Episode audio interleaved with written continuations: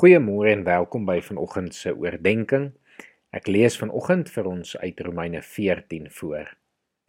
Aanvaar die een wat swak in die geloof is, sonder om oor verskille te argumenteer. Die een glo dat 'n mens alles mag eet, maar die ander een wat swak in die geloof is, eet net groente. Die een wat eet, moenie neersien op die een wat nie eet nie, en die een wat nie eet nie, moet die een wat wel eet nie veroordeel nie want God het hom aanvaar. Wie is jy om oor iemand anders se huisbediende te oordeel? Of hy staan of val, is iets wat net sy eienaar aangaan. Hy sal egter bly staan, want die Here is in staat om hom staande te hou. Die een beskou een dag belangriker as die ander, vir 'n ander weer is alle dae eenders. Laat elkeen in sy eie gemoed ten volle van sy standpunt oortuig wees. Die een wat 'n bepaalde dag uitsonder, sonder dit vir die Here uit, en die een wat eet, doen dit tot eer van die Here, want hy dank God daarvoor. Ook die een wat nie eet nie, doen dit tot eer van die Here, en hy dank God daarvoor. Niemand van ons leef tog vir homself nie, en niemand sterf vir homself nie.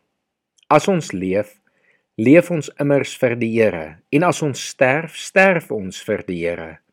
Of ons dan lewe of sterwe, ons behoort aan die Here.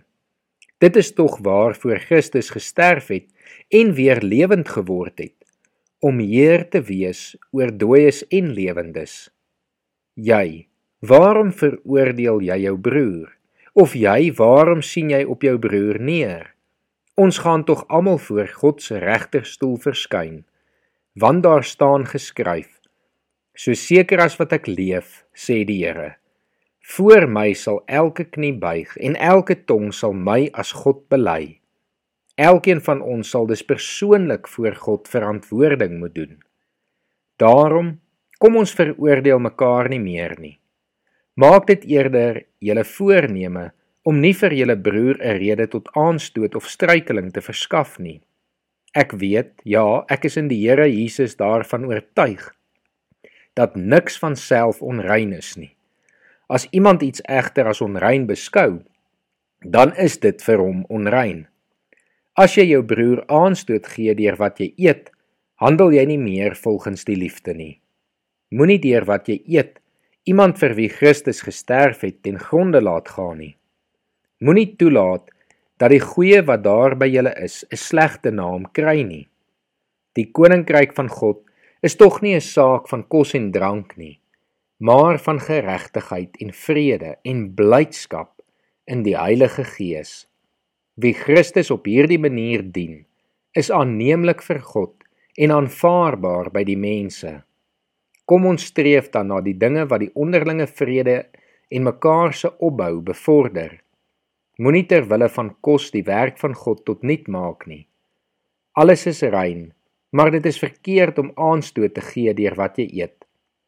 Dit is goed om nie vleis te eet of wyn te drink of enigiets te doen wat jou broer laat struikel nie. Hou vas aan die oortuiging wat jy by jouself voor God het. Gelukkig is hy wat homself nie veroordeel oor wat hy as toelaatbaar beskou nie. Hy wat egter twyfel wanneer hy eet, staan al klaar veroordeel omdat hy dit nie uit geloofs-oortuiging doen nie. Alles wat jy nie uit geloofs-oortuiging doen nie, is sonde. Ons lees tot en met sover.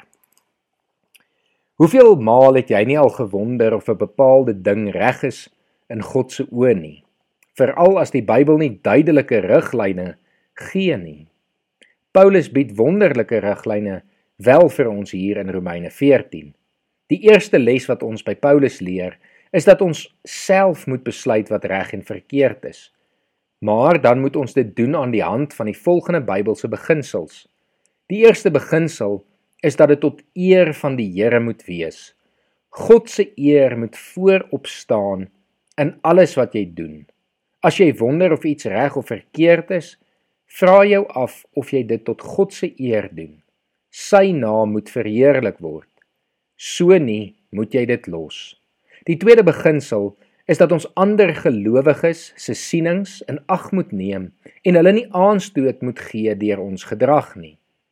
Wanneer jy dink sekere gedragswyses waaroor jy en ander Christene verskil is reg en hulle meen dis verkeerd, moet jy nie aan hulle aanstoot gee deur dit te doen in hulle teenwoordigheid nie.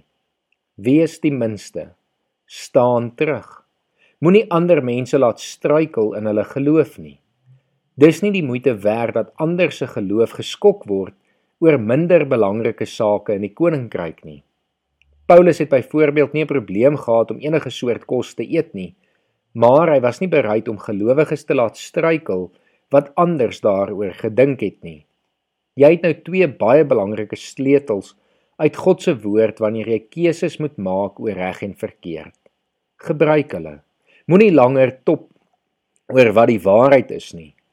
Vra jou net elke keer af wat bydra tot God se eer as jy wonder oor wat die regte ding is om te doen en moenie ander mense aanstoot gee nie. Neem hulle elke keer in ag. Is dit so moeilik om te weet wat reg is as jy hierdie twee Bybelse beginsels navolg? Verseker nie. Kom ons bid saam. Here Jesus, kom leer ons om die regte pad te volg. Kom wys ons u wil sodat ons u altyd sal verheerlik en sal eer. Dat ons in alles wat ons doen en alles wat ons sê U naam sal verheerlik. Here kom help ons om ander mense lief te hê en nie ons medegelowiges aanstoot te gee of te laat struikel in ons doen en late nie. Amen.